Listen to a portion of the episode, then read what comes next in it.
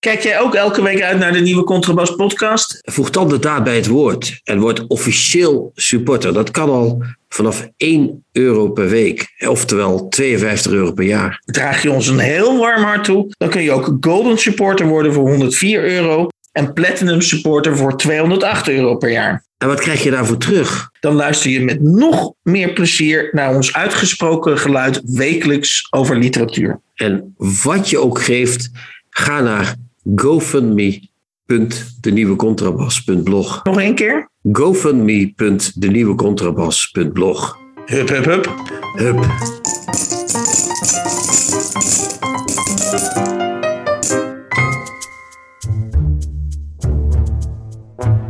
De nieuwe Contrabas. Podcast. Over hedendaagse literatuur en de wereld daaromheen. Met Chrétien Breukers, een elitaire Limburger. En Hans van Willigenburg, zomaar een Zuid-Hollander. Geen mitsen en maren. We beginnen gelijk met 112 en we beginnen eh, met even te vertellen. Ik begin even te vertellen wat we de, eh, gaan bespreken in deze 112e aflevering van de nieuwe Contrabas podcast. Het zijn om te uh, beginnen, oh, nou zeg ik al drie keer beginnen, maakt niet uit. Twee boeken. Esther Kinski liet een boek het licht zien. En dat heet Verder kijken. En dat wordt, maar daar zullen we het ongetwijfeld nog over hebben, Chrétien. Dat wordt, dat wordt onder onze neus gewreven als een roman. Nou, oké. Ja, ja, ja, zeker. Um, en ten tweede, um, een boek wat we vorige week al lichtjes aangeraakt hebben, als ik het zo uh, licht spiritueel mag uh, formuleren. Uh, het boek Grand Tour Europa. Um, een, een, boek dat met een voorwoord, met twee voorwoorden, een van de Fransman Olivier Guez en een van de Caroline de Gruiter. En dat zijn 27 verhalen van 27 schrijvers uit 27 verschillende EU-landen. Ja, da en dat gaan we doen. Daar heb je groot gelijk in. En wat we dan ook altijd doen, Hans, is jouw lijstje af. Wel? Je hebt een mooi lijstje gemaakt deze week. Dan zitten ja. noteren en skribbelen en schribbelen. En wat heb je hier opgeschreven, Hans? Laat eens, laat eens iets komen. Ja. Ik denk, laat, laat ik jou gelijk eh, nou, op de kast jagen, maar is misschien niet het juiste woord. Maar nee. ik, ik las het volgende. Uh, en misschien is dat jou ook al ter oren gekomen. En zeg je, aha, ik weet waar het over gaat. Maar als je niet weet waar het over gaat, dan zal je alsnog gaan gruwelen, denk ik. Er komt dit jaar namelijk in uh, de aanloop naar de uh, door jou zo ontzettend omarmde Nacht van de Poëzie. Uh, wordt er dit jaar, let op, een poëziekaravaan georganiseerd. Zo. Met maar liefst duizend dichters. Oh, dat heb ik gelezen, ja. Door Ilfo georganiseerd, toch? En er staat bij, als promotietekst staat, staat erbij... Het is vermoedelijk de langstdurende en grootste poëziemarathon uit de geschiedenis, dubbele punt. Duizend dichters die twee weken lang in dertien verschillende steden hun gedichten voordragen. Ja, dat is fantastisch. Als, als ik dat lees, hè, en nu van jou hoor, ik had het al gelezen... Weet je wat ik dan voor me zie? Dan zie ik voor me van die belbusjes. Busje komt zo. Hè? Van die uh, acht personen bevattende busjes met dichters erin. Die worden dan uh, misschien wel elektrische busjes, want zo'n literair festival moet ook duurzaam zijn tegenwoordig. Ja. Uh, die, die mensen worden door het land gestuurd. En overal waar er argeloze voorbijgangers zijn, dan springen er acht dichters uit de bus als, als een peloton ME'ers, zo moet je het zien. En die stappen dan op die mensen af en die beginnen gedichten voor te lezen. Alsof je Alsof mm -hmm. je een, een klimaatdemonstratie van de A12 afknuppelt. Zo ongeveer. Dat gaat zo tekeer op die mensen. Ik zou dan, bijna zeggen, Christian, was het, was het maar zo. Dan kon je er in ieder geval als, als reportagemaker of als, als documentairemaker... Kon, kon je er nog wat uh, hilarische beelden van schieten. Maar ik, ik ben bang dat het iets prozaïscher gaat. Denk je niet? Nou ja, ik vind het wel een vorm van zinloos geweld. Toch? Jij niet? Ik bedoel, het is, het is, als je allemaal dichters naar mensen stuurt. Duizend dichters. Probeer eens nou, voor te stellen als nou, duizend dat, dichters. Dat wou ik net zeggen. Duizend zijn, dichters. Zijn er duizend dichters in Nederland? Als ik echt in mijn, mijn bedje lig uh, en ik kan niet slapen. En ik probeer dichtertje te tellen. Dat doe ik wel eens. Dan kom ik tot een stuk of twintig, denk ik, of zo. Maar duizend dichters, dat is toch wel best veel, of niet? Ja, ik, ik, ik, ik heb een donkerbruine vermoeden. Uh, misschien is het woord bruin hier ook uh, misschien wel goed gekozen. Dat met de opkomst van Caroline van der Plas en, de, vermeend, de vermeende achterstelling van allerlei regio's. Dat er dus gezegd is, ja, niet weer die bekende kliek uh, uit, uit, uit, nou ja, uit bepaalde steden. Met, met de hoofdstad in een glansrol. Nee, laten we eens een keer echt weer uitpakken. door ook dichters die in de perifere gebieden. En als je dat natuurlijk als uitgangspunt neemt, ja, dan, dan gaat het hard natuurlijk. Dat is heel cynisch en daarom heb je waarschijnlijk gelijk. Uh, kijk, de Nacht van de Poëzie zal zelf wel weer dezelfde toestand zijn als altijd. Nee, nee ik, ik, kan je vast verklappen. Er wordt aangekondigd dat ook, en dat deed mij wel uh, de schrik om het hart uh, jagen, als dat een goede uitdrukking is. Maar um, ik ga namelijk zelf, dat, dat heb ik misschien nog niet aangekondigd, maar ik heb dit jaar ga ik de stoute schoenen uit aantrekken. En ga ik geloof voor de tweede keer in mijn leven ga ik naar de Nacht van de Poëzie. Ik weet ook niet wat er in me, in me is gevaren, Christian. Maar goed, ik, ik, ik had er... Bij, ja, een beetje midlife crisis, denk ik, Hans. Het zal het wel zijn. Maar vertel wat ga je daar, eh, wat, wat, wat wil je vertellen? Nee, maar, maar, het punt is dus dat een deel van die duizend dichters. Uh, je zou zeggen, nou, die worden bij, uh, voor het, uh, bij, bij de Nacht van de Poëzie worden ze wel tot staan gebracht. dat hoop je wel, ja, ja. Maar nee dus. Of wat? Ik heb het idee eh, uit de beschrijving dat er dus ook een heel deel van die duizend dichters, uh, omdat, omdat we anders natuurlijk weer klachten krijgen over, over discriminatie en zo. Dus, dus, dus de, die worden grotendeels, of voor een heel groot deel, ook weer toegelaten of lopen rond op de nacht van de poëzie of dragen ja, anders Is er geen, anders is er geen publiek meer tegenwoordig. Dus dan moet je wel, je moet wel iets uitnodigen, want je kunt ook heel makkelijk vrijkaartjes krijgen altijd trouwens. Heb je geen vrijkaartje? Heb je echt betaald? Nee toch? Want dat is ja, ik heb gewoon betaald, nee hoor. Oh, dan ben je de ene. Dan krijg je waarschijnlijk een aparte behandeling, denk ik, als je binnenkomt. Uh, of een hele grote goodiebag als je weggaat. Maar die, die uh, ja, je moet er toch niet aan denken. Er komen al die klunzen uit uh, Drenthe, Limburg, Brabant. Die komen daar dan. En die moeten dan ook nog voorlezen, ook nog. Ik mag het zeggen, want ik ben een Limburger zelf. Dus ik mag klagen over dit soort dingen. Dus dan krijg je daar zo'n stadsdichter van, van, van Schil op Geul. Die daar, ja, mijn volgende gedicht gaat over de boer-burger-beweging. Enzovoort. Nee, het wordt echt heel. Ja, het is verschrikkelijk, Hans. Waarom, waarom, waarom moet ik dit. Kan, ik, als, ik, als ik je nou als ik, zo boos ik heb, ja. ik heb nu, ik heb je al bekend dat ik dus, dus er naartoe ga. En laat, laten we in ieder geval de hoop uitspreken dat uh, als ik er verslag van doe, want ik ga daar waarschijnlijk in de nieuwe contrabas natuurlijk wel verslag van doen wat, wat, ik, dat, wat daar gebeurd is, dat het uit mijn mond misschien nog een draaglijke bijdrage aan deze podcast gaat worden. Misschien mag je ook wel meedoen. Je bent ook dichter tenslotte. Heb je niet opgegeven voor de duizend dichters? Uh... nee, ik, ik, uh, ik pas sowieso, denk ik. Uh, okay. Ik word er niet vrolijk van, maar dat ligt aan mij. Dat is ja. voort, voortgaande. Ja. ja. Een, twee, een, tweede puntje wat ik met je wil bespreken. Ik heb de, deze week heb ik het, en dat kan ik iedereen aanraden, de film Roter Himmel gezien in de bioscoop. Ik ga sinds kort weer eens naar de bioscoop. En ik moet toegeven, dit is een literair podcast, dus het gaat over literatuur. Maar zeker preluderend op een van de twee boeken die zo direct besproken gaan worden. ben ik eigenlijk wel weer fan aan het worden van de bioscoop. En zeker ja. van bepaalde bioscopen. Want ik hou niet van die hele keiharde commerciële bioscopen. Maar, maar een beetje die kleinere bioscopen met de meer bijzondere films. ik mag er graag in, in onderduiken. En ik ehm, heb deze week, ik vond het ontzettend grappig, heb ik de film Roter Himmel. Dat is een Duitse film die uh, in een voor een groot deel in een Duits strandhuis afspeelt. Aan de, Oost, uh, aan de Oostzee, dus in Noord-Duitsland. Voormalige DDR. En uh, een van de hoofdrolspelers is een schrijver die met een roman bezig is. En die uh, die zit een beetje in zak en as, omdat hij weet dat, uh, dat zijn uitgever, die komt hem op zoek. En hij is bang dat die uitgever die roman gaat, gaat afbranden. Dus hij loopt hm. eigenlijk, die hele film loopt hij eigenlijk heel ja, somberend over het strand, et cetera, et cetera. Maar wat zo grappig is, en Daarom, ik denk, nou, dit moet ik echt meenemen in de podcast. Op driekwart van de film komt onverwachts opeens inderdaad die uitgever opdagen. En toeterend. En dan komt hij met zijn auto naar het strandhuis rijden. En drie keer raden in welke auto de moderne uitgever uh, aankomt rijden. Nou, ja, Tesla of zo? Nee. nee, hij, een hij komt... Het zou kunnen. Hij komt in een smart aanrijden. Oh, oké. Okay. Zo'n kleintje. Zo'n inge, zo ingedeukte auto. Of niet... Uh op het moment dat hij toeterend met zijn smart dat, dat, dat erf oprijdt, uh, proef je in de hele bioscoop, ja, dat is de moderne uitgever. Die, heeft, alleen nog, die heeft nog net geld om een smart te kopen. Inderdaad. Ah, zo, zo bedoel je het. Ja, ja, ja, ja. Het is ook een vorm van wansmaak, of niet? Of, of zie ik dat verkeerd? Nou, nee. Die, of gaat het echt om armoede alleen maar? Ja, ik denk, ik, ja, er wordt in het midden geladen of die uitgever denkt dat hij met een smart hip is. Dat, dat, dat zou een optie zijn. Maar, maar een andere optie is dat hij inderdaad, dat zijn uitgeverij dermate klein is dat hij, dat hij nog net, zich nog net in de smart kan voortbewegen. Ja, ja, de gemiddelde uitgever tegenwoordig kan een halve auto bekostigen. Ja, ja dus Ik, ik, ik moest daar geweldig. Ik heb daar heel, heel, heel hard om gelachen. En meestal het is, ook wel een beetje Duitse humor, hè? Dat is, wat is een Duitse film volgens mij. Het is een Duitse film. Ja, ik kan hem iedereen aanraden. Van Petzold, ja. En ik moet, uh, dat, het is niet de eerste keer dat als ik heel hard in lachen uitbarst, dat de rest van de bioscoop zich denkt van, oh, dit is grappig, of uh, moet ik nu ook lachen? En dat ik dan opeens uh, achter mij inderdaad opeens ook een, een, soort, ja, dan stijgt het opeens ook op. Dus ik, ik, of dat nou schaamte is of dat ik echt aanstekelijk lach, nou goed, dat is weer... misschien, moet je als klak, misschien moeten ze je als klak gaan inhuren dan, dat je ook af en toe een applausje laat opklinken en dat soort dingen. Dan, ja, ja, ja, ja, Als je dat in je hebt, dan kan best. ja.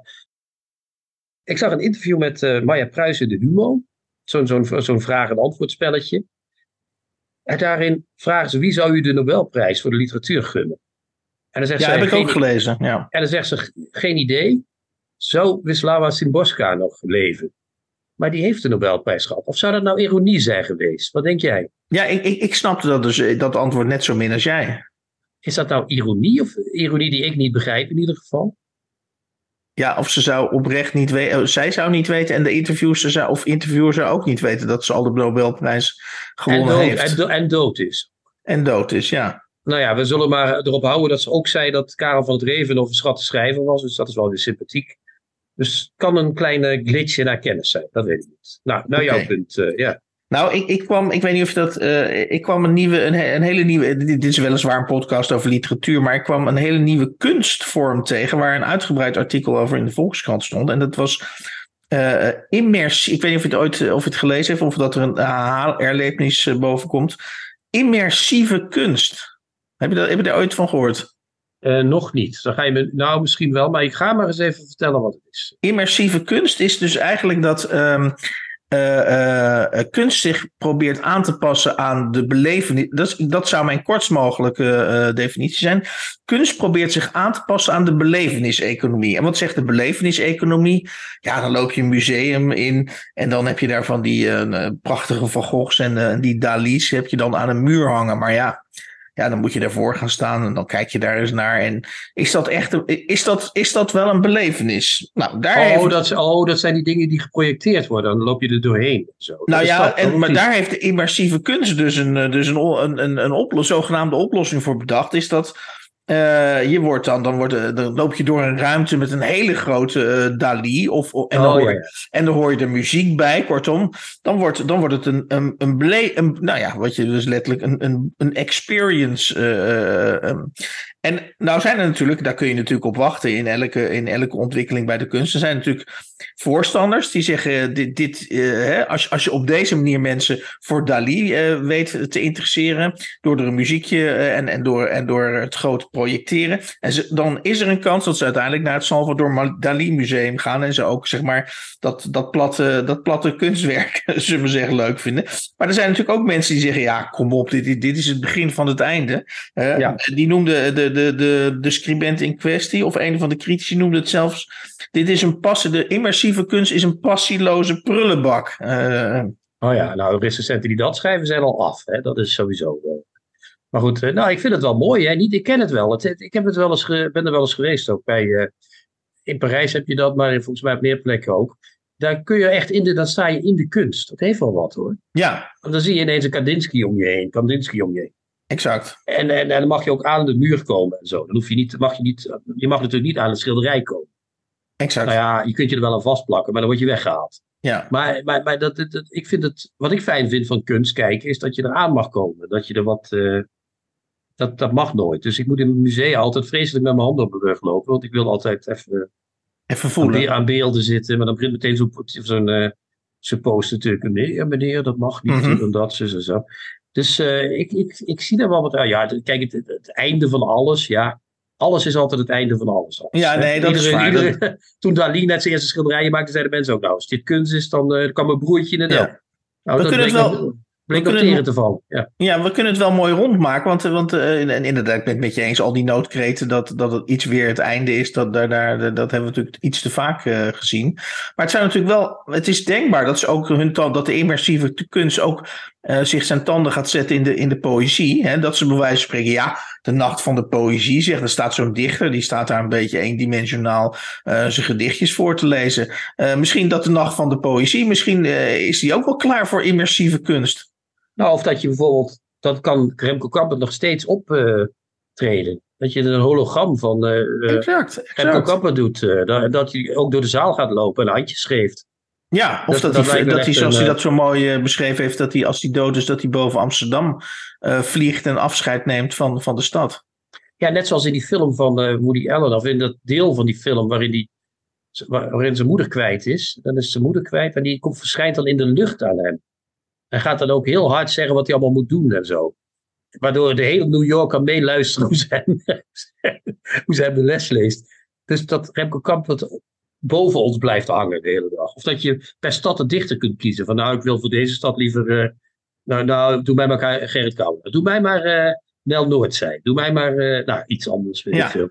Dus we, volgens mij zijn we redelijk op weg naar de slotconclusie. En dat zou een mooi einde zijn van deze intro. Is dat de Nacht van de Poëzie, waarvan we misschien, uh, hoewel ik er naartoe ga, wel aanvoelen dat het een beetje op zijn laatste benen loopt. Hoewel er volgens mij ook wel weer een hele nieuwe generatie is die dolle, dol enthousiast daar naartoe gaat. Maar, ja, dus dus misschien zijn we, daar, zijn we daar ook te somber over. Maar dat de Nacht van de Poëzie, dat, immer, dat die best wel eens wat immersiever zou kunnen worden. Ja. ja, ja, ja, misschien wel. Al zit dat idee van die duizend dichters me nog wel dwars, moet ik zeggen. Maar goed, zolang ze dat als ze immersiever worden, dat, liever dat dan duizend dichters. Tips van de week. Boeken, artikelen of pamfletten die boven het maaiveld uitsteken. Voor mij ligt een mooi kloek boek uh, door Van Oorschot. Of nee, nee, nee, is niet door Van Oorschot, door uitgeverij Pluim uh, uitgegeven. Het boek is Verder kijken van Esther Kinski, geboren in 1956. En het wordt gepresenteerd, en daar moeten we het misschien eerst even over hebben, Christian, alvorens we verder gaan met dit boek. Uh, het wordt gepresenteerd als een roman, terwijl ik mijn twijfels heb over of dit een roman is, uh, Christian. Ja, het is zo, sowieso zo, sowieso zo, dat een, alles waar roman op staat, is roman, wat mij betreft. Maar dat is natuurlijk niet, uh, daar kom ik, kom ik niet mee weg, begrijp Dit is geen roman, in de, misschien niet in de traditionele zin van het woord. Maar van de andere kant, het is een boek dat vertelt over een vrouw die in Hongarije terechtkomt, daar in een dorpje bij Budapest uh, een oude bioscoop vindt en, nog leuker, die bioscoop ook koopt, in de hoop daar het oude bioscoopwezen te doen herleven. Het bioscoopwezen van voor de televisie en voor de tijd van de grote bioscopen en grote producties. Even een kleine topografische bijzonderheid. Hongarije is een dusdanig klein land dat eigenlijk het hele land Hongarije en ook dit plaatsje per definitie in de buurt van, uh, van Budapest liggen. Ja. Oké, okay, maar dit ligt. Oké, okay. is dat zo? Ja. Nou, zo klein is het toch niet. Maar het ligt wel ten zuidoosten van Budapest, zegt de achtervlak. Ja, en dus het, ligt in dan, de buurt, het ligt echt in, de, het, het, ligt in, die, in die buurt van Servië. Dus het is, uh, het is die zuidelijke regio Siget, dat bekende uh, popfestival wordt daar ook in de buurt uh, gehouden. Maar dat, dat zijn inderdaad dat, verder... Dat is, voor, dat is voor het eerst dat ik daarvan hoor, van de popfestival. Echt waar, serieus. Is okay. dat heel beroemd, ja? Seget nou, Popfestival, ja. Klink ik nu echt als een... Nu ben ik echt een boomer, hè, als ik dit zeg. Maar goed. Um, nou ja, dit, dus in die zin vertelt ze een verhaal. Namelijk het verhaal van iemand die in een Hongaars dorpje een bioscoop op uh, ja. koopt. Dat is lijn 1 van het verhaal. Dat vind ik toch wel een soort roman. Jij niet? Mm, ik, ik ervoer het niet echt als een roman. Ik had, ik had zoiets. Dit is een verslag van iemand uh, die, een vrouw dus, waarschijnlijk Esther Kinski. Uh, die uh, geïnteresseerd is, of, of, of dat, dat is, laat ik dat woord gebruiken. Ze is lyrisch over de bioscoopervaring. En, en, en op talloze verschillende manieren in dit boek laat ze weten hoe inspirerend, maar ook hoe verrijkend het, het kijken uh, naar film in een bioscoop is. En inderdaad, als gevolg van die uh, lyrische liefde voor de bioscoop, uh, komt ze dan uiteindelijk inderdaad in de verleiding, of niet alleen de verleiding, dan gaat ze daadwerkelijk in een vrij afgelegen gebied. in Hongarije gaat ze inderdaad precies wat jij zegt, over tot het kopen van een bioscoop. Ja, en ze zegt trouwens zelf, om die romankwestie nog eventjes te, te behandelen. Ze zegt, ze was laatst geïnterviewd voor de Volkskrant, hè? Daar, ja. daar zei ze, uh, dan vraagt de, de interviewster, even kijken wie dat was, Gert-Jan de Vught. Oh, die is hier ook nog te gast geweest trouwens. Vriend van de show. Vriend van de show, ja. Gert-Jan vraagt, fantastische vraag ook. Zijn uw romans nog wel romans te doen? Dus die vroeg zich hetzelfde af als jij. Oké, okay, ja, ja. ja zo Gert-Jan en jij, dat zijn echt uh, twee, uh, vier handen op, op safari. Uh, dan zegt hij, Kinski zegt dan, ik geloof dat de roman in de komende tien jaar, puntje, puntje, puntje. Kinski twijfelt even. Ik denk dat de roman op een bepaald punt is gekomen. Puntje, puntje, puntje. Nu goed, ik ben ook helemaal niet goed in voorspellingen. De mensen willen nu andere dingen lezen. Kijk, ik lees graag Flaubert, maar die lees je vandaag de dag anders dan toen zijn werk net was verschenen. De historische blik is ertussen gekomen. Wat hedendaagse uh, romans betreft, vind ik de meeste eerlijk gezegd saai. Nou ja, dus ze, ze twijfelt zelf ook een beetje. Ze vindt het zelf ook moeilijk om te zeggen. Ze gelooft niet meer in de van A tot Z vertelde roman. En dat is dit mm -hmm. ook niet. Hè? Dat is dit ook helemaal niet. Dit is ook een roman die alle kanten uitschiet. Wat grappig is, ja. nu we met die roman, definitiekwestie van die romanbest zijn, zijn we eigenlijk gaandeweg aan het uitleggen hoe, hoe en dat is prima, uh, wat er in dat boek ongeveer, wat dat boek ongeveer behelst. En een van mijn uh, redenen om uh, te twijfelen aan het roman zijn van deze, dit, dit boek is dat. Uh, en dat vond ik op een gegeven moment, uh, en dan komen we dus bij de kritiek op dit boek, uh, is dat het is zo, vanaf pagina 1 is het zo duidelijk dat Esther Kinski zo onder de indruk is van het fenomeen kijken en van het fenomeen bioscoop. En dat komt dan samen inderdaad in, dat, in de bioscoop. Is dat ik vanaf ongeveer pagina 10 of 20 al niet meer, al bijna niet meer twijfelde dat, dat, dat de liefde voor dat kijken of, of de liefde voor die bioscoop ooit nog zou gaan verdwijnen. En uh, uh, ja, dat, laat ik het zo zeggen. dit ging dus inderdaad 200 pagina's lang door. Terwijl bij een roman, volgens mij een van de, een van de aardige dingen is dat, dat dingen ontwikkelen zich in een bepaalde richting. En dan niet altijd, maar dan gebeurt er iets waardoor in ieder geval iets in een andere richting zich ontwikkelt. En dat gebeurt, wat mij betreft, tenzij jij zegt, Hans, daar ben ik niet met je eens. Ik ben iets tegengekomen waardoor uh, die liefde van Esther Kinski voor het kijken en voor de bioscoop uh, wel degelijk een andere richting op. op nee, het is een, een, een één lange. Ik moest heel erg denken bij het lezen van dit boek, want ik heb laatst op televisie een, een, fotograaf gezien die fotografeert oude Sovjet-bushokjes. vond ik een geweldig idee, namelijk hij wilde dus de schoonheid van die bushokjes wilde die voor latere generaties bewaren. En dat is ook zeg maar, en, dat was een documentaire, dat was geen roman over bushokjes. En dit is een beetje hetzelfde soort exercitie. Iets proberen vast te houden, iets proberen te bewaren. Sterker nog, iets een bioscoop kopen om het weer in oude glorie te herstellen. En uh, dat is allemaal hartstikke sympathiek. En, ze, en, we zullen zo misschien ook nog wel wat voorbeelden geven van hoe mooi ze die, uh, die kijkervaring en die bioscopen beschrijft. Maar ja, ik zit dan te wachten, oké, wanneer, wanneer uh, komt iets in een ander daglicht te staan? Nou, daar ben ik het dus. Ja, ik, trouwens wel mooi. Ik zal hier aan denken als je ooit nog zegt dat ik lang van stof ben. Maar goed, uh, je was aardig lang aan het woord, mag ik wel zeggen. Uh, hè? Ik moest bijna op mijn lippen bijten om niet er tussendoor te toeteren. Uh, maar ik heb, me vol, ik heb volgehouden. Hij soldiered on. maar ik ben het totaal niet met je eens, ben ik bang. Oké. Okay. en om de volgende reden. Dat ga ik nu uitleggen. Dit boek is een boek wat inderdaad op het eerste gezicht gaat over een vrouw die een bioscoop koopt en denkt: ik ga die oude glorie van die bioscoop weer herstellen. Mhm. Maar de tweede laag die daaronder zit, is dat ze vertelt, of dat ze uh, mediteert, zou je bijna kunnen zeggen, want het is geen verhaal, een verhaal met veel gebeurtenissen in de letterlijke zin of veel ontwikkelingen.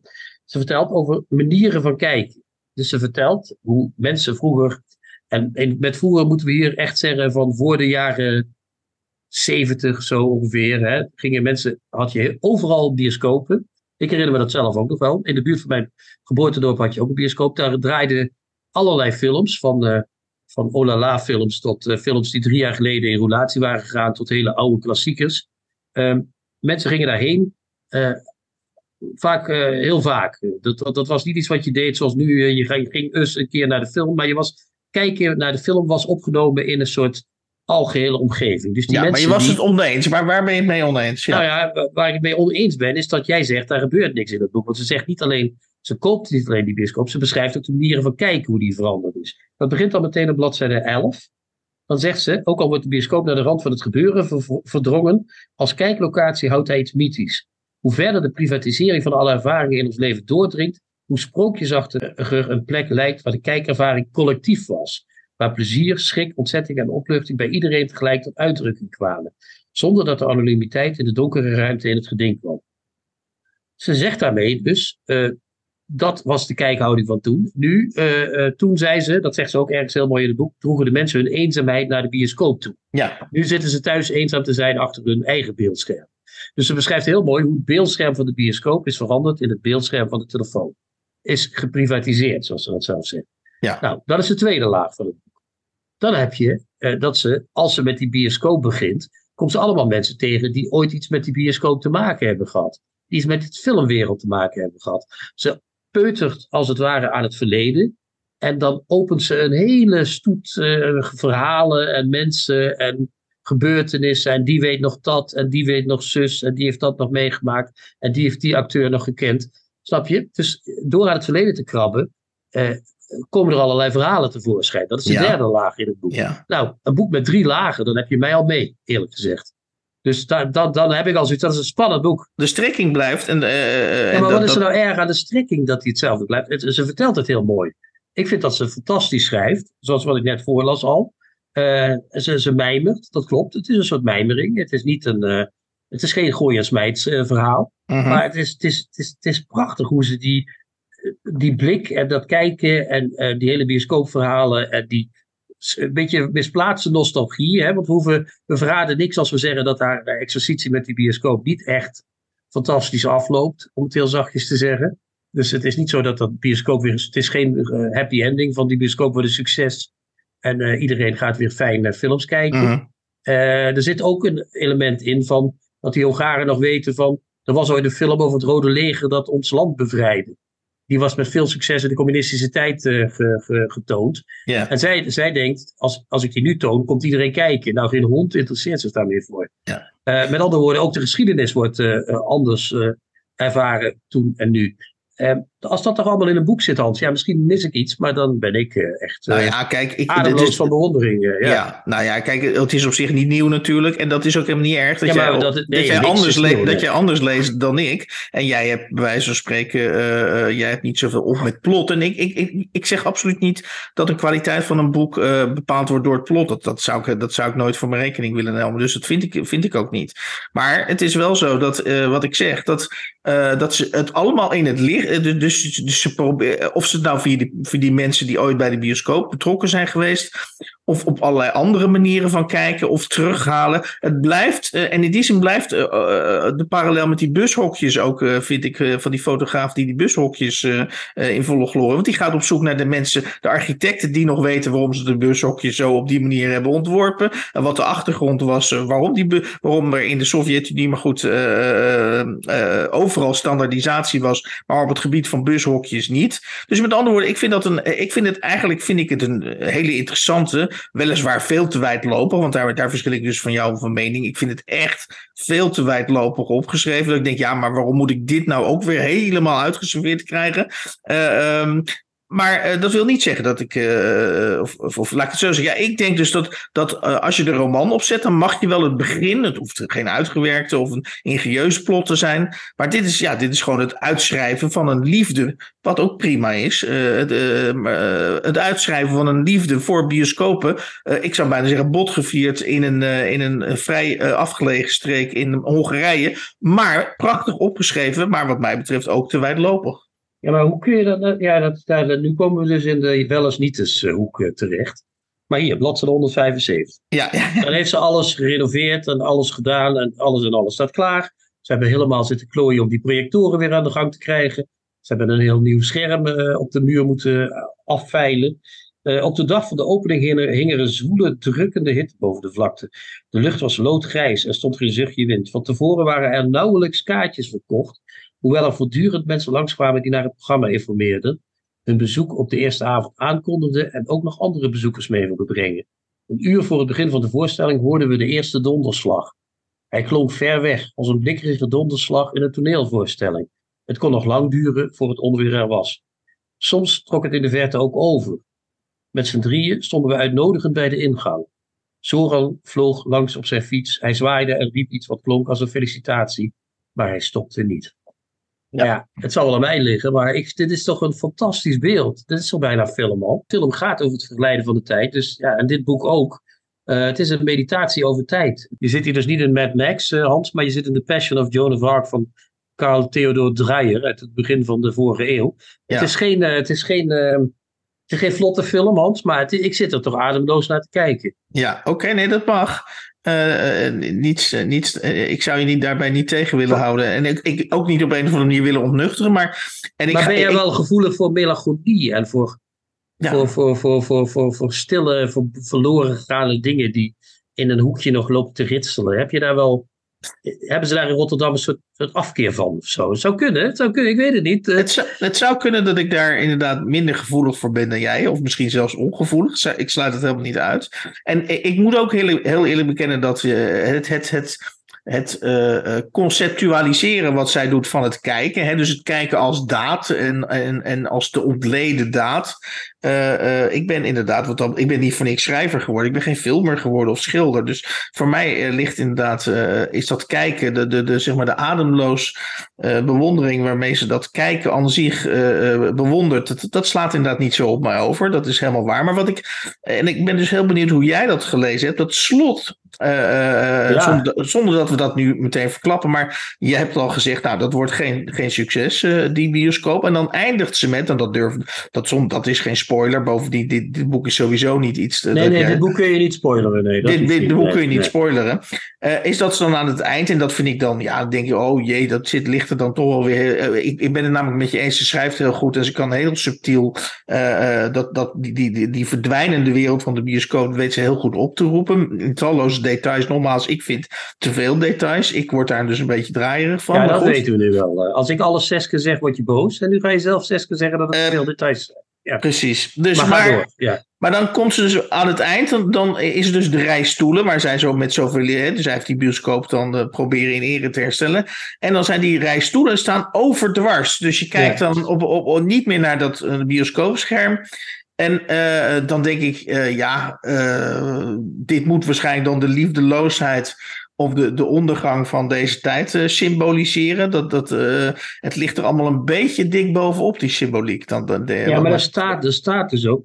De stoelen stonden nu dus afgewend van het wijde zicht. Genummerd als vanouds, maar tot blindheid gedoemd. ja, precies. dat, is toch, dat is toch prachtig? En wat, wat, wat je erbij vergeten te vertellen, en dat Mhm. maakt het heel mooi. Zij verkoopt het aan iemand die wilde er iets van maken, van een van de amu amusementsdoel of zo. Wat wilde hij van maken? En dat is hem niet gelukt. Die man die heeft dat gekocht. En alsof die bioscoop toch nog zo'n laatste wraakactie in, eh, in petto had. Eh, eh, gaat die man failliet of dood of wat is het? Die, die verdwijnt heel Ja. snel al. En als zij terugkomt na 16 jaar, na 16 jaar, liggen er nog heel veel van die dingen die zij heeft gerenoveerd, die liggen daar nog. ja. Net, net, zo, zo van, de bioscoop is weliswaar dood, maar hier en daar zitten nog kleine fragmentjes en frutseltjes. het is er allemaal nog, alleen het wordt niet meer gezien. Dus als geheel is dat toch, ja, jij vindt het dan weer een eh, einde van niks, maar ik vind dat een fantastisch. Nee, dat, is juist niet, dat, is juist niet, dat is juist niet nadrukkelijk, dat is juist, ik- zou dat echt hebben willen schrijven, zoiets. Dat is echt razend knap, is dat, om zo, om zo over kijken te schrijven. Dat is Mhm, echt, eh, mhm. ja, ik, ik vind dat zeker niet clichématig of, of, of eh, te veel of zo. Ja, oké. Nou ja, goed. dus, dus hier worden we het dan niet over eens. Maar nogmaals, eh, eh, de luister, onze luisteraars eh, zijn er geëmancipeerd genoeg om, te- om eh, hun keuze te maken.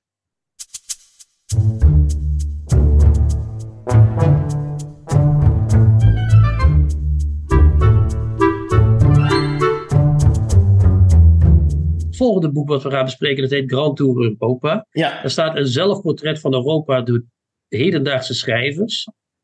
Dat is mooi, daar ben ik blij mee. Maar ik vind dat boek van Kinski, dat is ook een boek, dat, gaat, dat is ook een Europees verhaal. ik zou sterker willen zeggen, als je iets over Europa zou willen kijken, eh, even voor duidelijk, die 27 verhalen bestrijken natuurlijk een groter gebied en, en meerdere tijdvakken. Dus, dus in die zin kan dat niet met elkaar in het strijdprik treden. Maar ik ben het met je, wel met je eens dat als je eh, iets van Europa wil oproepen, dan kan je wel serieus de vraag stellen of dat boek van Esther Kinski dat niet eh, beter doet dan al die losse verhalen van die 27 schrijvers. Dat kan je wel afvragen. Ja. Want dat boek wat we dus nu gaan bespreken, Hans, dat ik, maar ik gebruik maar even een natuurlijk eh, Ja, eh, eh, bruggetje. Dat heet dus Grand Tour Europa. Dat is samengesteld door Olivier Gues. Ik weet niet of jij die kent.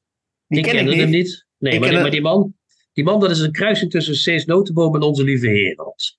Dat is echt niet te geloven. Want er staat hier, Samuel, Samuel, of nee, samensteller Olivier Gues is schrijver, journalist en scenario schrijver.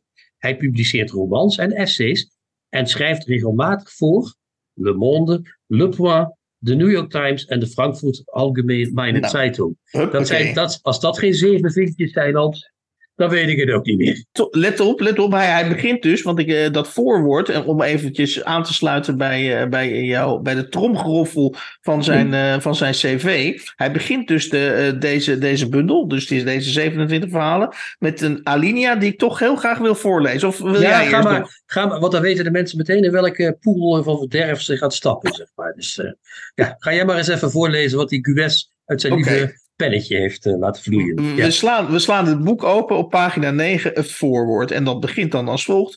Het is absurd, suïcidaal haast. Sinds de jaren 1950 bouwen we aan een monumentale constructie, maar we vergeten de fundamenten ervan te verstevigen. We bouwen om beurten zonder de bewoners met elkaar in contact te brengen. We zien het cement over het hoofd, de verstandhouding die ervoor moet zorgen dat we samen kunnen leven en dromen. Dubbele punt, de cultuur. En we, voorzien, en we voorzien niet in de middelen om ons te identificeren met het spannende avontuur van de Europese integratie. Alsof we opzettelijk vanaf de zijlijn blijven toekijken. Amen, zou ik willen zeggen. Of in de woorden van Weile Nelson Mandela, Amantla. Maar eh, waarop jij AW toe zeggen. Maar goed. Maar die, eh, die Gues hier, die zegt hier iets heel absurds natuurlijk. Want in de jaren 50 waren, was de helft van Europa zat nog achter het ijzeren gordijn. Dus wat we daar in de hemelsnaam mee samen hadden moeten doen, God of Gues zal het weten. Eh, maar goed, dat, dat, dat is, dit, is al, dit soort ronkende taal, Hans, maakt dit soort boeken zeer ontmoedigend. Het is dus een boek, hè, dat moeten we misschien nog even voor onze luisteraars zeggen, waarin ja, iets of iemand of een instantie of Gues of Ik- en Ik ben op zoek gegaan inderdaad naar hoe deze bundel exact tot stand is gekomen. Ik ben ook in het boek even nagelopen. Is dit nou een, een want dat denk ik namelijk, een subsidie, gesubsidieerd project van de Europese Unie? Maar ik heb het nergens kunnen, bevestigd Nee. kunnen zien. Nee, er zit, er zit wel een instituut Français zit er wel achter. Dus, en dat zijn natuurlijk mensen die van cultuur houden. Hè, Hans, dat ja, en van, de, en van Europa natuurlijk. Ja. Natuurlijk, ja. De, nee, de Fransen zijn echt gek op Europa. Dat wil ik wel zeggen, ja. Hebben ook vroeger heel veel in Europa gebakkeleid met andere Europese landen. Maar goed, eh, maar, maar Herinner je nog even een kleine zijlijn? De, e- de, eh, hoe, hoe de onze munt zou gaan heten. Waar, waar trouwens Lise Spit in haar verhaal namens België nog even op terugkomt. Wat mij Ja. betreft op een hele, op een hele grappige en, en innemende manier. Eh, dat, dat de Fransen toen gesneefd zijn. want die wilden de, dat onze munt de EQ ging heten. In, Ja, fantastisch. EQ. Dan kreeg je allemaal grapjes met IQ natuurlijk. Ja. maar, goed, maar dit boek is dus bedoeld om dat fundament, wat er dus volgens Gues niet is, mhm. en volgens andere mensen blijkbaar ook niet, eh, om, dat, om, om dat fundament te geven en om ons dus te doordringen van dat we niet alleen een monetaire, politieke en een soort van Brusseliaanse Unie zijn, eh, moeten we 27 schrijvers van 27 eh, EU-landen lezen. En dan kunnen wij werken aan, blijkbaar is dat wel het fundament. Ik weet het niet, Hans. Het is mij niet duidelijk geworden. En dan, als we dat helemaal gelezen hebben, kunnen wij eindelijk ook, net zoals Gues, met vier opgeheven hoofd de EU tegemoet treden. Ja. Of zoiets. Ik weet het niet hoor, maar ik vat het maar in mijn woorden samen. Zeg Ja, jij. nou, dat het, dat het allemaal wel bombastisch klinkt, daar, daar ga ik helemaal in met je, met je mee. Maar op, op zich raakt hij natuurlijk wel een essentieel punt, wat mij betreft. Eh, onder, onder al die bo- bombastische taal, als je die even wegklauwt, dan kom je bij het punt dat eh, eh, als je, zoals nu het geval is, door internationale situatie je stappen vooruit wil zetten met de Europese Unie. en allerlei eh, beslissingen niet meer per land wil nemen, waar, waar iets voor, op zich iets voor te zeggen is. Eh, dat we wel dat cult, die culturele dimensie. eh, kijk alleen al naar eh, ehm, de, de, de omroepen, de kranten, de media eigenlijk. Die zijn allemaal nog in die kavels verdeeld. en dat betekent dus dat er geen. En dat is denk ik echt een essentieel. En da- daar, daar, daar hint hij ook op. namelijk dat er geen Europese publieke opinie is. En dat is natuurlijk. Nee. en, en, dat, dat, dat, dat, als zolang dat er niet is, eh, zal Europa natuurlijk in zekere zin een gedoemd project zijn. Maar wat ik wat mij heel erg opviel, ik weet absoluut niet, eh, ik zou dat wel een interessante journalistieke vraag vinden. Hoeveel hebben deze schrijvers eh, voor deze bijdrage gekregen? Ah, ze hebben ongetwijfeld een- Nee, maar even voor serieus. Ze hebben er een serieus, denk ik, want als je hier voor zo'n project wordt gevraagd, daar staat een, een decent serieus bedrag tegenover. Maar wat waarom ik dat, ik, het gaat mij niet om het bedrag zelf, dat is kind, dat, want ik voel je al zeggen, nou dat is kinderachtig, dat is het ook. Maar wa- wa- waarom ik het opbreng, is omdat ze allemaal zo keur, het lijkt net alsof ze bijna, die, die schrijvers, die af en toe misschien best wel wat kunnen, dat ze keurig een vak, dat ze een soort invulformulier hebben ingevuld. Dus dat, dat ze hun, ja, dat je denkt van, eh, in, in plaats van dat je hoopt dat ze iets, iets interessants of iets, iets buitensporigs of iets. eh, eh, ik heb bijvoorbeeld eh Grundaal, Jan, Jens Grundaal, een bekende Ja. De- Deense schrijver, die begint, dan, die begint dan zijn verhaal. Nou, let op hoor. Het is bijna alsof hij zegt van nee, ik heb een lesje geleerd. Die- dit is voor een Europese bundel, let op. Die begint zijn verhaal als volgt. Over land bereik je Denemarken alleen via het zuiden. Dat Ja, is dus, dat vind ik wel echt fantastisch. Dat is En echt, kijk, dat en- en is dan een gaat- en dan schrijver, hè, Hans? Ja. En dan Ja. gaat hij door. Het schiereiland. En dus, dus over land bereik je Denemarken alleen via het zuidenpunt. Het schiereiland Jutland is verbonden met het vasteland. Punt, komma. De rest bestaat uit grote en kleine eilanden verspreid over het, tussen de Noordzee, eh, over het gebied tussen de Noordzee en de Baltische Zee. Ja, nou ja. ja. Tot hierver, eh, dit, eh, hoe heet dat? Backpacking met eh, Jens Christian Grunda. Maar dat is een ongelofelijke kitschrijver. Maar wat, wat, ik, wat, wat mij opvalt als ik dit lees, hè, en dat is echt. daarom vond ik het verhaal van Lise Spit, wat je net al noemde, ook opvallend. Dat is namelijk, Europa is natuurlijk, begint in Duitsland. Duitsland en daaronder Oostenrijk, Tsjechië, Mhm. eigenlijk is Italië ook al geen Europa, alleen het bovenste stuk natuurlijk, Noord-Italië. En dan alles tot, eh, tot en met eigenlijk Oekraïne. Dat is Europa. Dat merk je ook aan die verhalen. Die hebben die, hebben die Europese geschiedenis. Je zou bij België kunnen zeggen, nou, die hebben de Eerste Wereldoorlog nog eh, gehad. Maar België en Nederland, eh, Frankrijk ook, Engeland, dat zijn geen landen die die Europese band hebben, die die Midden-Europese en Oost-Europese landen hebben. Begrijp je wat ik bedoel? Mhm. Wij waren, de- wij waren niet de gebieden waar, het, eh, waar de geschiedenis zich afspeelde. Die speelde zich af van Zweden tot eh, Noord-Italië. En van, eh, van Pruisen tot, eh, tot, Oké, maar een Kiev. al- Kiev. Ja. Ja. maar wat heeft dat met dit boek te maken, wat jou betreft? Nou ja, dat dus, hij kan die cultuur wel willen, willen oproepen. Hij kan wel zeggen, wij moeten één cultuur, wij moeten aan de cultuur het fundament ontlenen. Maar wat is de Europese cultuur? Dat is dan de tweede vraag. Zijn, zijn Nederland en België onderdeel van de Europese cultuur? Of hebben wij een eigen cultuur die volledig vreemd is aan die van Tsjechië of Oostenrijk? Ik denk het laatste, eerlijk gezegd. Dus als je een gezamenlijke Europese cultuur eh, wil krijgen, moet je niet iedere keer in het verleden gaan graven, wat al die schrijvers min of meer doen. Mhm. Behalve Lise Spit, die dus vertelt over de introductie van de, van de euro, wat een Ja. heel grappig verhaal oplevert. Eh, maar je kunt dat steeds zeggen, ja, vroeger woonden er veel Joden in de Oekraïne. Dat is ook weer zo'n ding, dat komt ook weer terug. Eh, we weten allemaal waarom die verdwenen zijn. Maar dat maakt het nog niet zo dat, de he- dat het continent daarmee. eh, dus is dat cultureel belangrijk. Weet je wel? Ja, ja, Begrijp je wat ik bedoel? Ja, dat, ik is door snap het wel. dat is door een moordpartij en door, door de geschiedenis is dat, zijn die mensen verdwenen. Ja. Eh, maar dat, dat, dat, wat is onze cultuur samen nu, Ja, op dit maar- moment? Mijn, mijn probleem met jouw verhaal is dat het eigenlijk dat is een discussie die zich buiten het boek al die, die kun je überhaupt ook buiten het boek omstellen. Eh, ja, maar dat- dat, die discussie roept dat boek bij mij op. Als ik dit lees, denk ik, wat is dat dan, Wes? Wat is die cultuur dan? Wat, ik krijg uit dit boek die cultuur die hij ziet, krijg ik niet tevoorschijn. ja, maar dan, dan ga je het boek interpreteren als een verantwoording bij het voorwoord of, of als een ma- maakt, maakt het boek het voorwoord waar. Ja, dat, dat, dat, ja, is- dat, dat, maar dat is toch ook zo? Die man heeft dat met een, die maakt, heeft het ook samengesteld. Dus hij Ja, heeft maar ook, wat, wat, bedoel wat ik daarmee, toch? Oké, maar wat, wat, wat ik zelf interessant vind aan het boek is, is inderdaad dat die schrijvers zo enorm hun best doen om te slagen voor hun, eh, ik zou bijna zeggen, hun examen Euro Europeaan zijn. Eh, die Grundaal, die jij een kietschrijver noemt, die gaat daar in het vers. Die zegt op een gegeven moment in een zin: Ik heb Parijs, Amsterdam, Rome, Berlijn en Lissabon in mijn bloed. Ja, dat is fantastisch. Ja, daar ben ik blij voor hem. eh, Maar ben je dan een Europeaan? Dat weet je natuurlijk niet. Nee, Cees Notenboom vindt zichzelf ook een eh, Europeaan. precies, precies. Ja, maar wie, wie is Jan Brokken? We worden vertegenwoordigd, Hans, door Jan Brokken. En Jan Brokken, dat weet je, dat is de schrijver die je krijgt als Geert Mak niet betaald kan worden. Dus dan krijg je Jan Brokken, zeg maar. De poermens Geert Mak is dat. En die dan een heel verhaal over Volendam begint te schrijven, waar eh, vroeger in een hotel allemaal kunstenaars waren geweest. Is Ja. dat Europees? Is dat de Europese cultuur? Of is dat gewoon een leuk krantenverhaal? Wat is het eigenlijk? Nee, Vertel het oké, mij. dat- Nee, dat weet ik, dat, daar kan ik niet zo 1, 2, 3 uh, antwoord op geven. Maar, maar, maar wat ik zeg, je merkt dus dat ze allemaal een, een tien voor hun examen willen halen. Die, die, die meneer, op een gegeven moment, even kijken, Björn Larsson, die dat namens Zweden heeft gedaan, die zegt dan aan het eind. Uh, uh, dit is het eind van het verhaal. En misschien is het ware probleem van de Europese Unie en de echte uitdaging, zolang de burgers van Europa zich niet net zo Europees voelen in Treri Creuzet als op een balkon in Cedriano, in Brussel of in Straatsburg, blijft Europa kwetsbaar. Of zullen we het hoe dan ook voortdurend moeten heruitvinden? Nou, dit is inderdaad. Maar dat uh, is toch van een diep, van zo'n diepe treur. En er is nog een. Er is nog iemand die. Eens, dat is toch treurig, Hans. Maar de, je hebt nog iemand die een voorwoord schrijft. Caroline de Gruiter.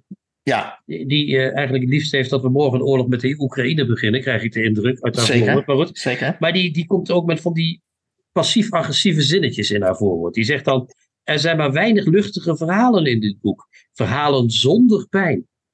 Meteen ook therapeutisch, hè? Gadver. Die komen vooral uit landen waar het Europese erfgoed sinds 1945 amper nog onder druk heeft gestaan.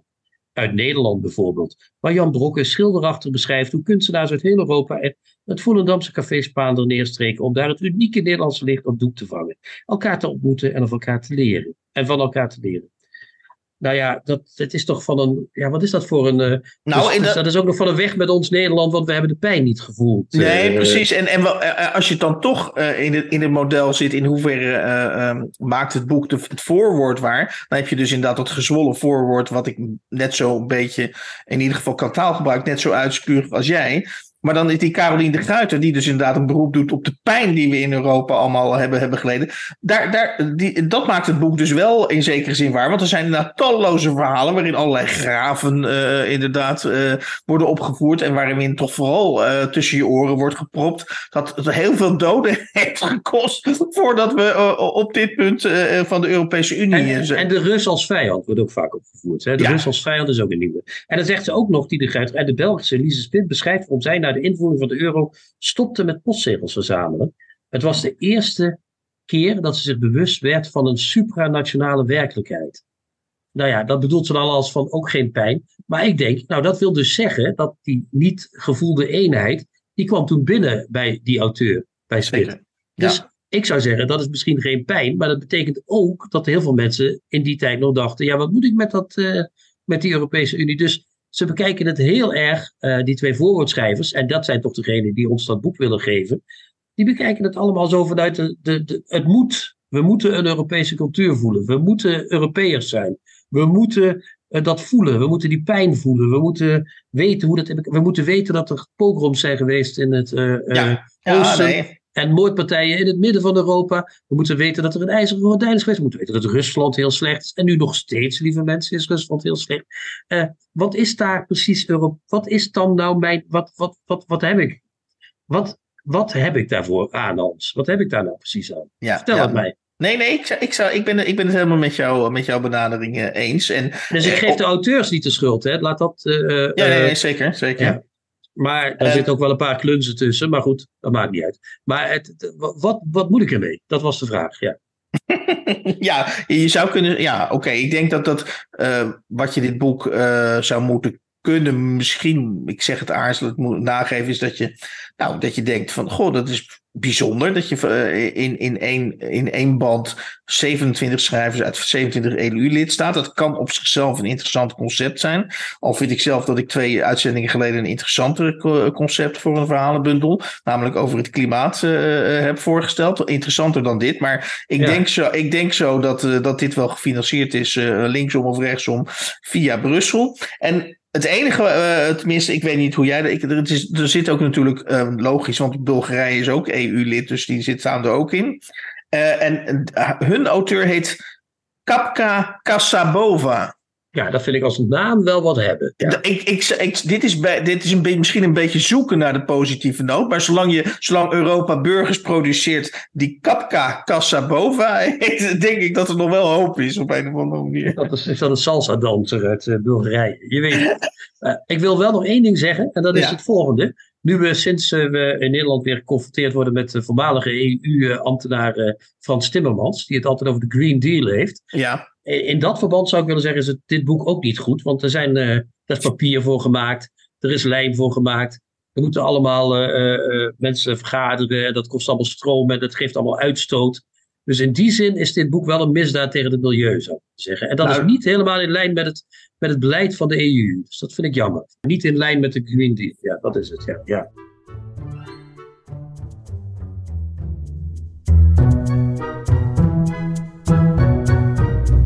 De nieuwe Contrabas. Podcast. Hans, ik zat laatst voor de vierde keer eh, te, lezen het boek Zenderbaas. Geschreven door jouzelf. Want we hebben het al gehad over je romans. Hè? Houden van Trump. En Zin in dictatuur. Maar jij bent ook, je bent natuurlijk van alle markten thuis, dat weten we inmiddels. Je bent eh, journalist geweest bij, eh, kom help me even, bij dat blad eh, met eh, kleur erin. Ja, de Groene, Amst- de Groene Amsterdammer. Ja, ja, ja, ja. En je hebt ook, je werkt heel af en toe voor dat geriatrische, de geriatrische afdeling van de, van de Nederlandse Vereniging voor Journalistiek. Hoe heet die ook alweer? Eh, HP, oh, je eh, Je doelt op HP de tijd. Precies. En, dat, en, en je bent tekstschrijver, radiomaker, je bent een soort ghostwriter, je bent nou, alles eigenlijk.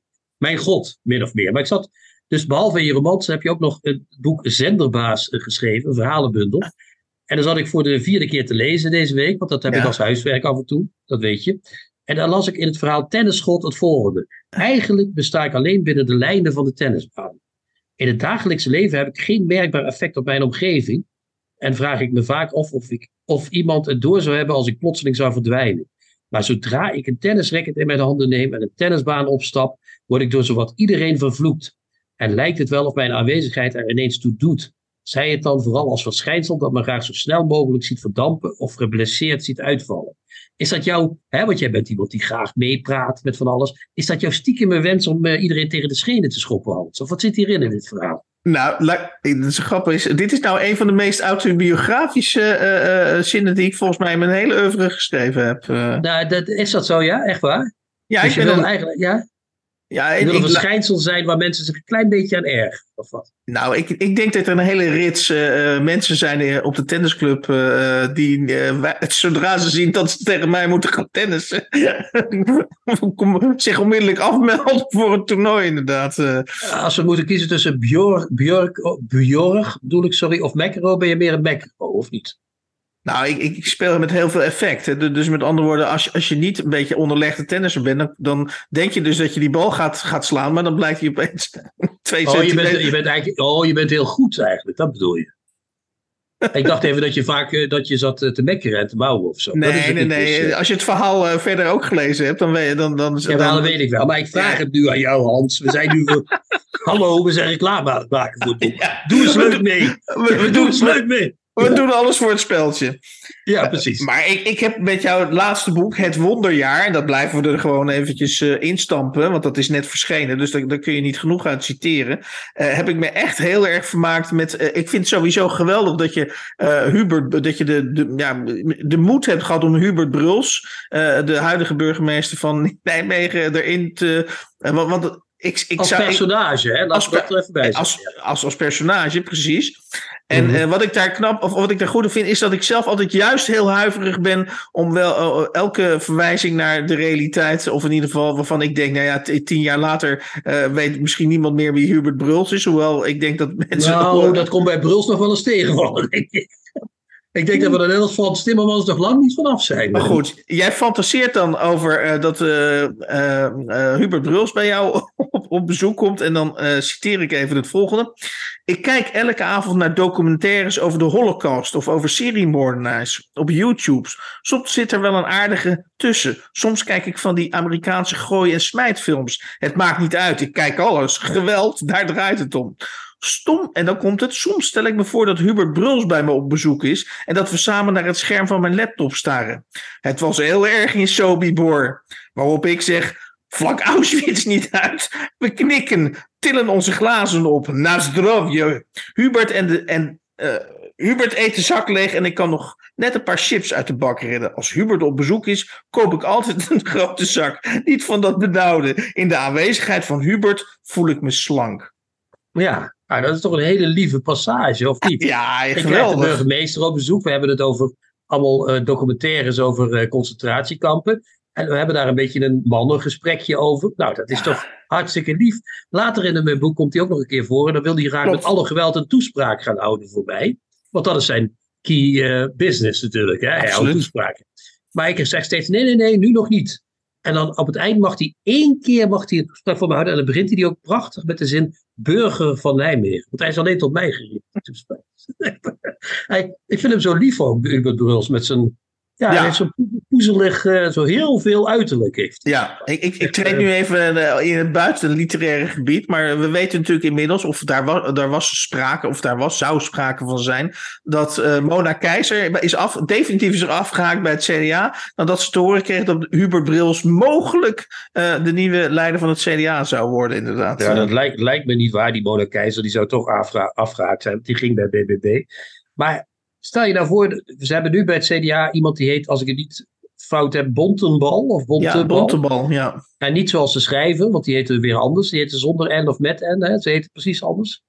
Maar stel je nou voor dat ze Bruls hadden gehad. Dat is toch om te beginnen al iemand met veel meer eh, uitstraling dan die, eh, hoe heet die greep eh, met de voornaam? Ik weet niet hoe die met zijn voornaam heet. Je zei, je, Arie- zei, ja, je zei veel meer en toen laste je even een pauze in en toen, toen dacht ik, oh jee, nu wel gaat er wat komen. Maar gelukkig, je zei uitstraling. Ja. Ja, maar hij heeft ook. Ja, maar dat is toch zo. Bruls eh, eh, heeft toch veel meer te zeggen dan die. Die man die kan niet eens de eiklank goed uitspreken, die eh, van het CDA. Die zegt altijd why, zegt hij. Dan denk ik, wat Ja, bedoelt die man nou precies? Het essentiële verschil zal altijd zijn dat eh Hubert Bruls door een zeer bekwame schrijver in een komische scène is eh, opgevoerd in een eh, niet onaanzienlijke roman. Terwijl Harry Bontebal, al wordt hij eh 80, die eer nooit te beurt zal vallen. En daarom wordt hij eerder premier dan Harry Bontebal. Nou. Ik denk dat dit wel genoeg moet zijn voor het speeltje, eh Kretje. Ja. Als het nu nog niet zover is, dan moeten mensen brieven gaan schrijven aan de CPMB. Want dit is, het begint een beetje schandalig te worden, eerlijk gezegd. Het is werkelijk geweldig hoe jij hebt gestreden tegen de ontlezing. En hoe jij de liefde voor het lezen en het boek hebt aangewakkerd bij al die honderdduizenden. En wij strijden daarin zij aan zij. En daarom vind ik het een eer dat ik namens de CPMB, dat is de collectieve boekpromotie in Nederland, dat ik jou mag kronen tot ambassadeur van de leesbevordering. Dit is een zeer felbegeerde speld. De enige echte ambassadeurspeld. Hij is voor jou. De nieuwe Contrabas. Podcast. We gaan eh, live opnemen, dat hebben we al eerder gezegd. We gaan naar het Torpedo Theater. Op 18 oktober en 29 november gaan we daar eh, in het eh, kleinste maar gezelligste zaaltje van Amsterdam eh, eh, live opnemen. Er zijn al mensen die gereserveerd hebben. Kan nog steeds. Hè? Kan nog een paar, er zijn nog een paar plaatsen voorradig, of hoe heet dat? Mail ons, podcast.denieuwecontrabas.blog. Of ga vanaf nu naar eh, de site van het Torpedo Theater. Torpedo, torpedotheater.nl. Daar staat het ook op. En we weten ook het programma al. Hey, nou kom op. Ja, nou ja, op 18 oktober ontvangen we twee auteurs. Sholé Rezazaze, die dan net een nieuw boek uit heeft. Ik ken een berg die op me wacht. En de tweede die we ontvangen is eh, de, schrijver, jonge schrijver van een al klassiek oeuvre, Thomas Heerma van Vos. Die twee komen bij ons eh, dan langs en dan gaan we weer praten. Het publiek mag ook vragen stellen natuurlijk. Dus dat is mooi. Ga naar eh, torpedotheater.nl of, of mail ons. En wees erbij op 18 oktober. En op 29 november, Hans, dan hebben we helemaal een groot programma. Hebben we Amy Koopman, de beschermheilige van de, de podcast, zou je kunnen Ja, zeggen. dat is zeker, ja. We hebben dan David Pefko, die met een nieuwe roman is gekomen dan net. Die is net op, eh, uit, dus die is eh, terug als schrijver. We zijn heel benieuwd wat hij ervan gebakken heeft. En daar gaan we dan eens even over praten. En als toetje, als kers op de taart, Hans, gaan Rob en ik, Rob van Essen en ik, gaan dan een Versdijk bespreken. Ook Oh, live. mooi. Ja, ja, ja, ja. Nou, ik ga nog wel even oefenen op de. Op de Alle Versdijk-fans uit jullie graf en naar ons toe komen. Oké. Ja. Ik moet nog wel even oefenen op de naam van die eh, Thomas Heerma van Vos. Is een lange naam, maar, maar, maar te doen voor mij. Maar die, eh, nog één keer die, die tweede schrijfster. Sholé Rezazaze. Zij is eh, ja, de hemel. Oh, dat moet ik goed zeggen, want ik ben zo slecht met titels altijd. Eh, zij heeft het eerste boek geschreven dat heet eh, De hemel is altijd paars. daar heeft ze ook voor de Liebesprijs een nominatie voor gehad. De debutantenprijs van de maatschappij gehad.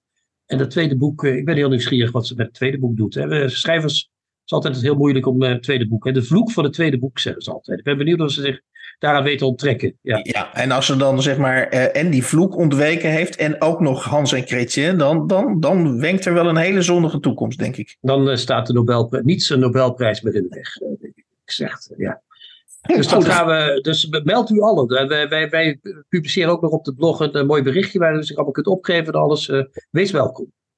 Uh, voor 12,50, dat wel. Maar goed, dat is een kleinigheid in deze tijd. Hans, wat voor boeken lazen we uh, deze week? Nou, we waren het op een heerlijke manier, wat mij betreft, oneens over Esther Kinski met haar roman Verder kijken. Uitgegeven door uitgeverij Pluim en vertaald door Josephine Reinaerts. En mhm. vervolgens waren we het uh, grotendeels, ik zou zeggen, voor driekwart eens over um, het boek Grand Tour Europa. 27 verhalen van schrijvers uit 27 verschillende landen. Uh, ingeleid door Olivier Gwes en van een tweede voorwoord voorzien door Caroline de Gruiter. Verschenen bij Meulenhof in 2023. En laten we ook niet vergeten, want anders krijgen we dat weer. De verhalen zijn vertaald door Katelijne de Vuist. Ja, ook niet onbelangrijk. Nee, want vertalers, als je die niet doet, dan heb je tegenwoordig de poppen aan het dansen. Uh, dat was het voor deze keer, Hans. Ik vond het fijn. Ik ook. Ja, nou, dat is fijn om te horen. Hè? Nou, dan zien we elkaar volgende week Ik zou, ik zou wel zeggen, als disclaimer zou ik wel zeggen, fijn, maar met mate. Maar goed, nee, oké.